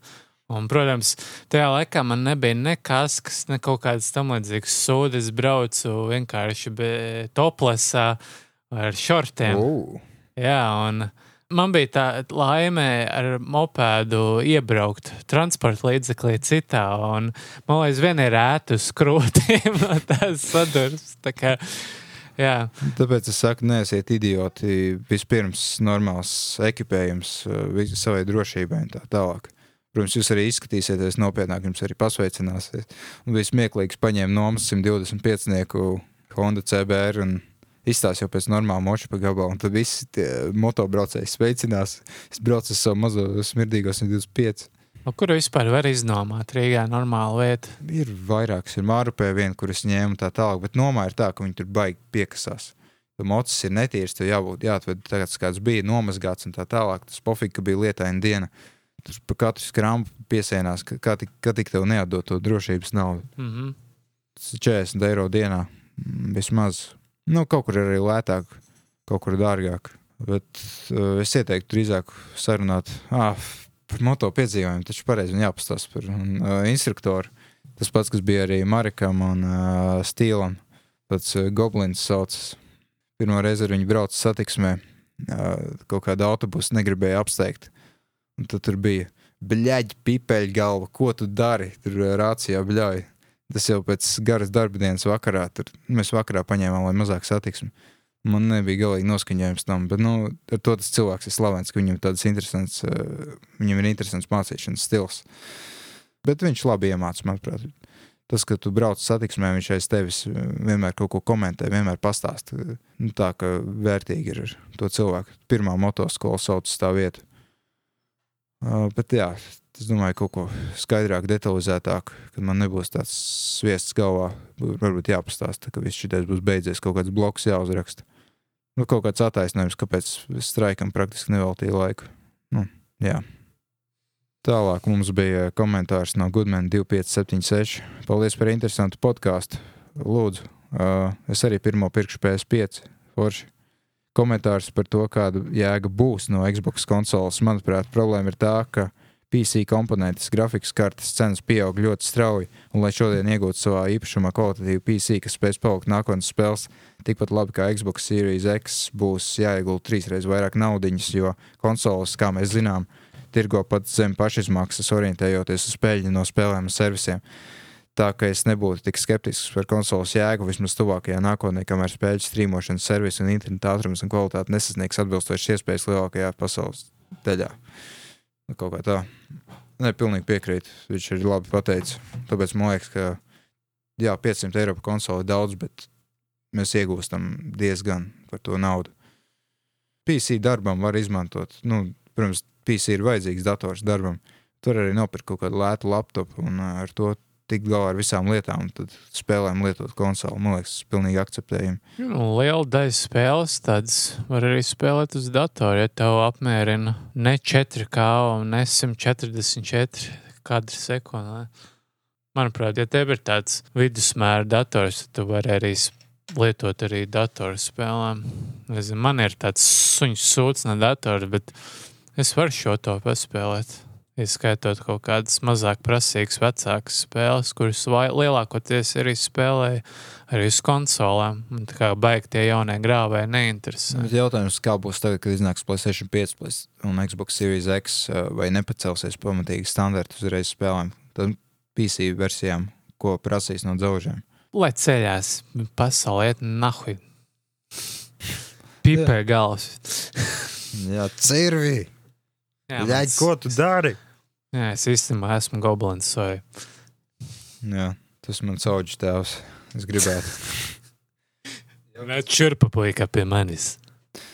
Manā bulku vāģī zaļā. Es tev konfekti iedošu ar krējumu. Visu cīņu goblinam forši tur. Nevajag padomāt, lūdzu, nesit man. Jakuza 7 Laika Dragon Japānā jau iznāca 16. janvārī, soli pārējai pasaulē 13. novembrī šogad. Nu jā, paldies laikam. Nu, es tur baigi nesakoju līdz spēles tā. Tiem, kam patīk Jakuza spēles, iesaku paķert Ryuga Goktoku studio spēli Judgment Play Store. Šobrīd ir laba atlaide aptuveni 11 eiro. Nu, labi, tas bija toreiz, bet uh, mums jau ir apskats lapā tā, ka droši var izlasīt kāds par Judgment. Var nelikt IGN video apskatu. Jā, tad stils atbild Gudmanam. Vai Xboxam arī esot tāds pats čakars, caur citas valsts adresi un bankas kontu jāpieslēdzas? Vai supports maz Latvijā ir? Atvainojos par savu nezinīšu lomu, bet konsolēs es esmu totāli zaļš. Nu, cik saprotu, tad PS nesot nekādu supportu, un tur tiešām vajagot no ārzemēm. Par PS supportu jau stāstīju toreiz, ka tur somiski e-pasts nāca bez mazliet. Jā, Latvijā nav vispār nekāda supporta ne Xboxam, ne Playstationam. Tā kā ja te kaut kas notiek, tad tev ir jāmāk runāt angļu valodā un jābūt ļoti pacietīgam un uzstājīgam. Man šķiet, ka Microsoft Store caur Xbox es maksāju pat caur PayPal. Tā ka tur viss ir kārtībā. Es nezinu, kāda tev ir Playstation Store, ar vēl zinu, pērku tos wallet top-up kodus. Tā kā man ir Somijas konts vēl viens, tā kā es varu pirkt arī pataisno, man vairs nav nekas jāto popo, tā kā tajā ziņā Playstation ir diezgan ērta lieta. Vismaz, ja tev ir Eiropas konts, Eiropā gan ir tas, ka spēles mazliet dārgākas standartā kā Amerikā, jo Amerikā, ja Eiropā spēle maksā 50, 90 59, 99, tad Amerikā tieši tas pats maksā. Bet, nu, ja ņem vērā, ka tie ir dolāri, mums ir eiro. Bet Amerikā ir vēl nodoklis klāt, ne? Nē, nē, tur tāpat maksā 59, 99. Bet, mm. nu, jā. Jā, nu, tur beigās Gudmēna atbild stīlam. Es pat nezinu, vai to ir jēga lasīt. Nu, jā, izties, ka bija vērtīgi atbildi. Tad nu, mēs beidzot nonākam pie tagadējiem aktuālajiem jautājumiem šai sērijai, kas mums ir trīs komentāri. Jā. Un pirmais komentārs ir no Goodman 2576. Sveicināti, gribētu dzirdēt jūsu domas par X-kastes S sēriju. 300 eiro par digitālu 1440p spēļu kasti. Vai Microsoft, Microsoft taktika iekļaut arī konsoles Game Pass Ultimate programmā par niecīgu ikmēneša samaksu būs veiksmes stāsts. Kādas domas par 500 un 700 dolāru vērtiem jauniem Nvidia radiatoriem, video kartēm. Jā, par to X kastu jau mēs runājam. Es mazo nesaprotam īsti jēgu. Jā. Nu, un par to, kas tur bija par nomaksu, kaut kas domāts Microsoft taktika. Kaut ko viņš tur minēja, man liekas, ka 3-5 dolāriem mēnesī vai ko tur.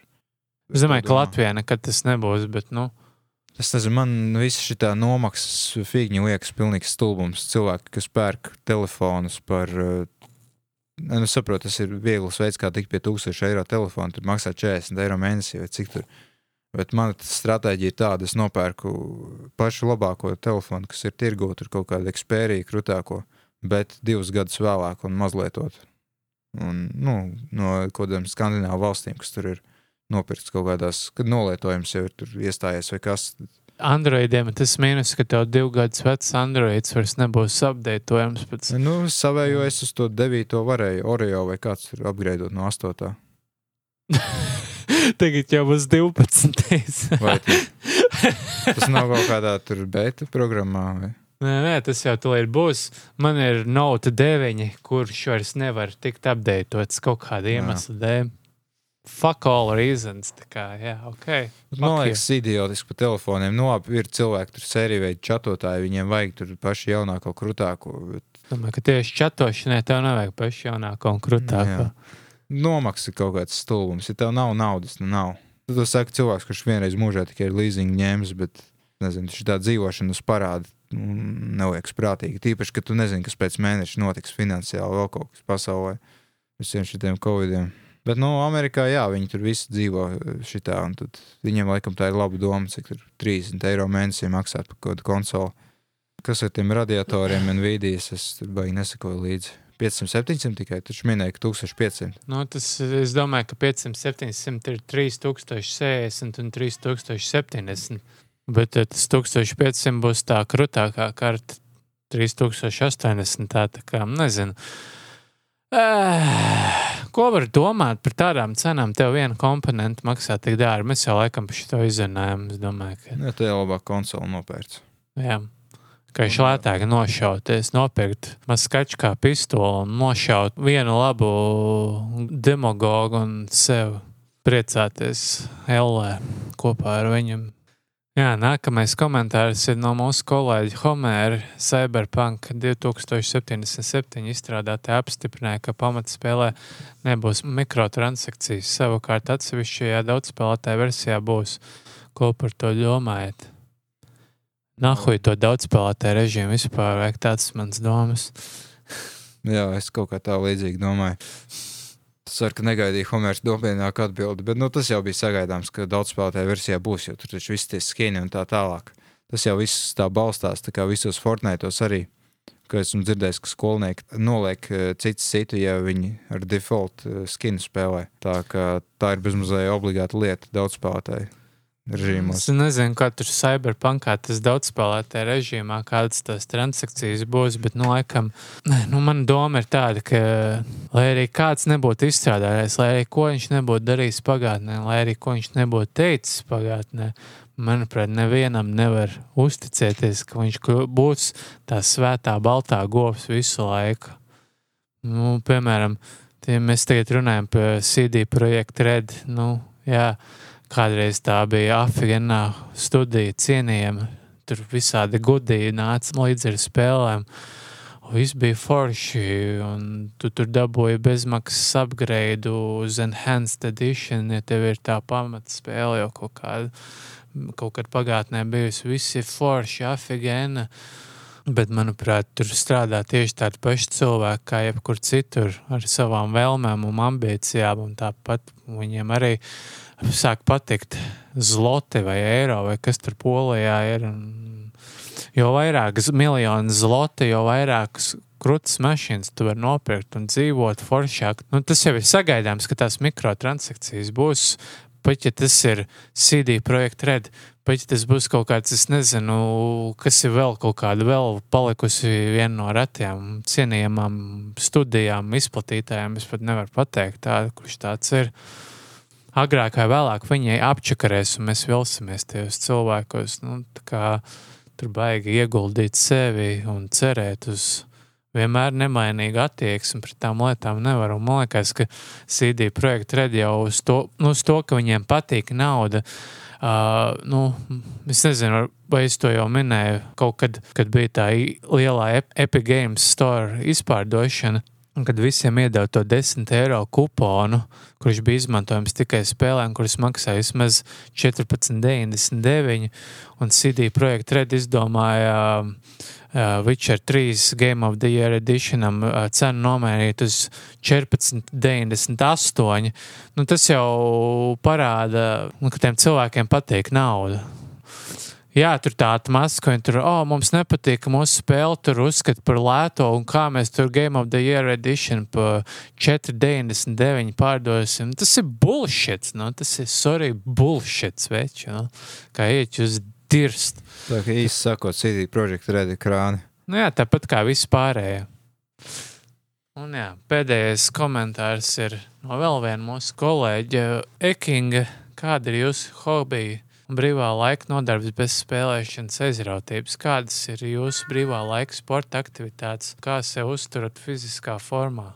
Labākā filma vai seriāls, kas ir redzēts pēdējā laikā?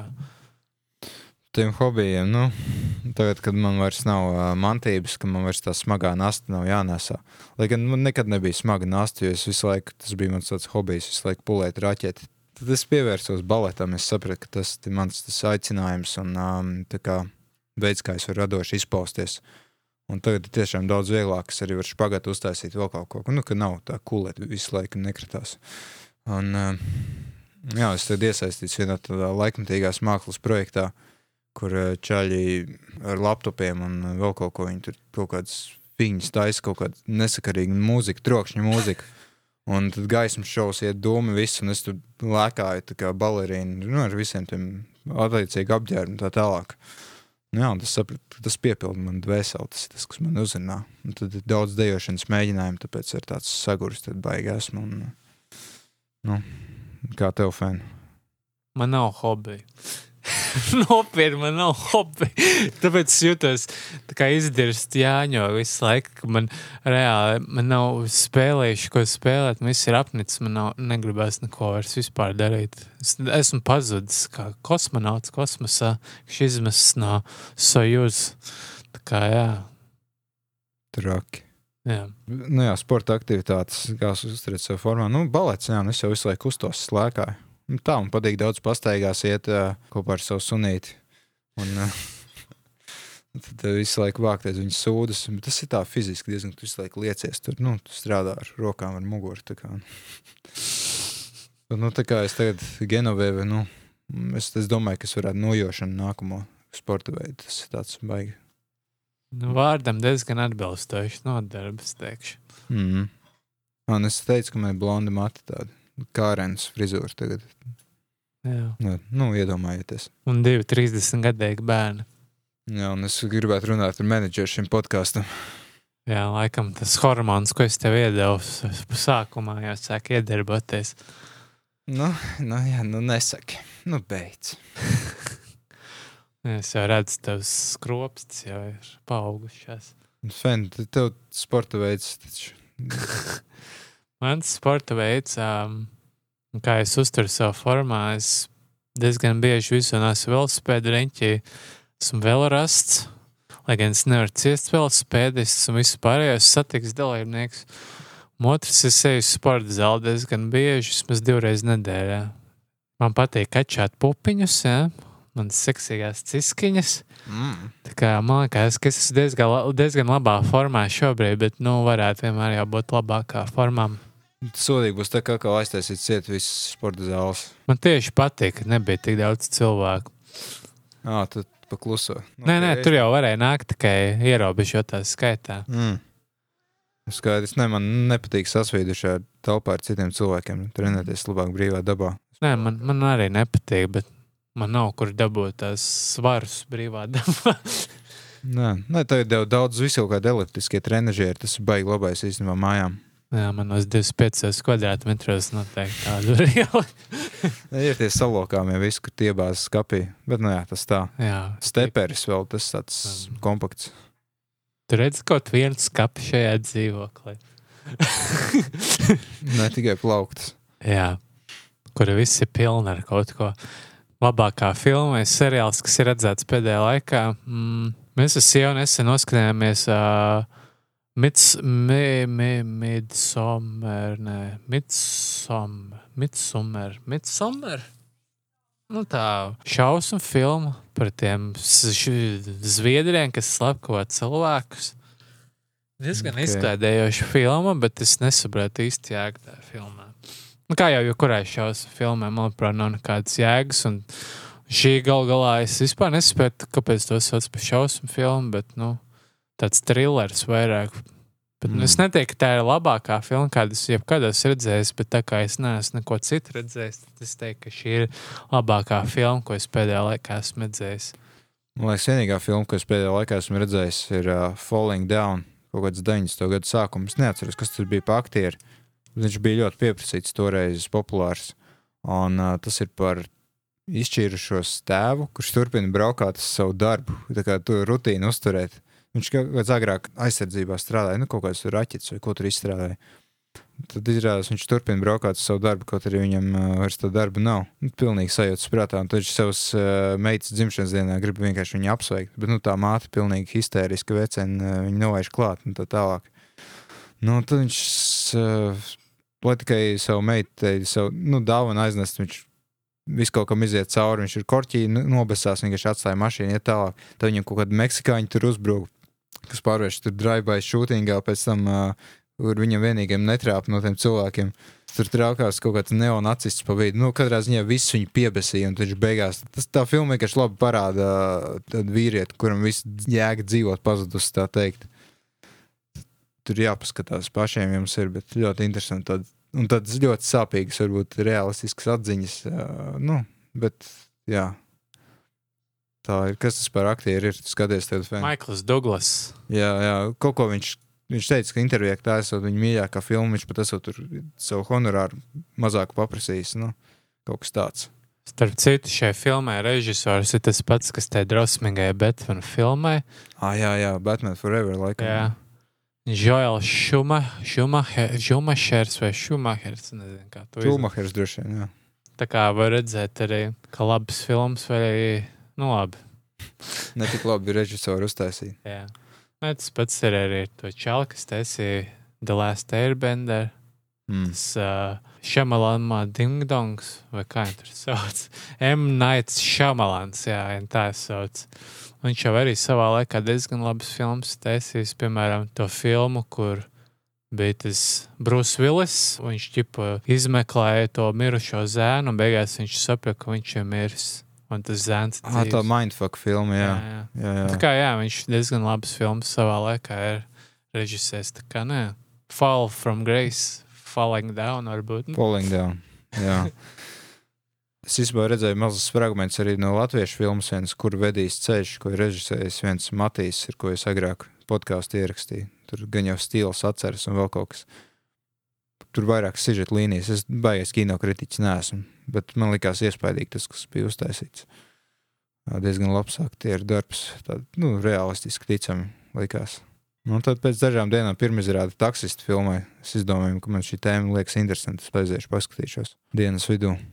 Tad jau varbūt kaut kādas atsauksmes nākamajā podkāstā. Nu, tā kā nes, nesaķer to koronavīrusu. O, jā, ne visi bija jāmēģina tev uz kino. Ja tā ir laikam pirmā latviešu spēļu filma, kas ir izlaista pēc šī koronas visu figņas, ko jau vidi. Jā, es kaut kur arī lasīju TV, tā laikam. Hmm. Kaut kā tā. Jā, paldies, ka klausījāties. Es īstenībā gribētu pa- pateikt paldies tiem diviem cilvēkiem, kas pēdējā komentēja. Homērs un Nekings. Viņi, man liekas, vienkārši uztur to lapu. Nu, protams, Fēn arī. Jo bez viņiem tur būtu, es nezinu, kā tā lapa būtu izskatījusies. Bez Homēra un Nekinga rakstiem. Un Fēn arī, ko viņš. Jā, vesels, laikam, viens raksts vedīja. Jā, tu iz- izračīji mani. Tā, tas tiek novērtēts. Nu Jā, kaut kā tā. Cerams, ka nākamais būs labāks, ne tik saguris podkāsts. Jā, es nākamreiz atcerēšos kokaīnu sagatavot.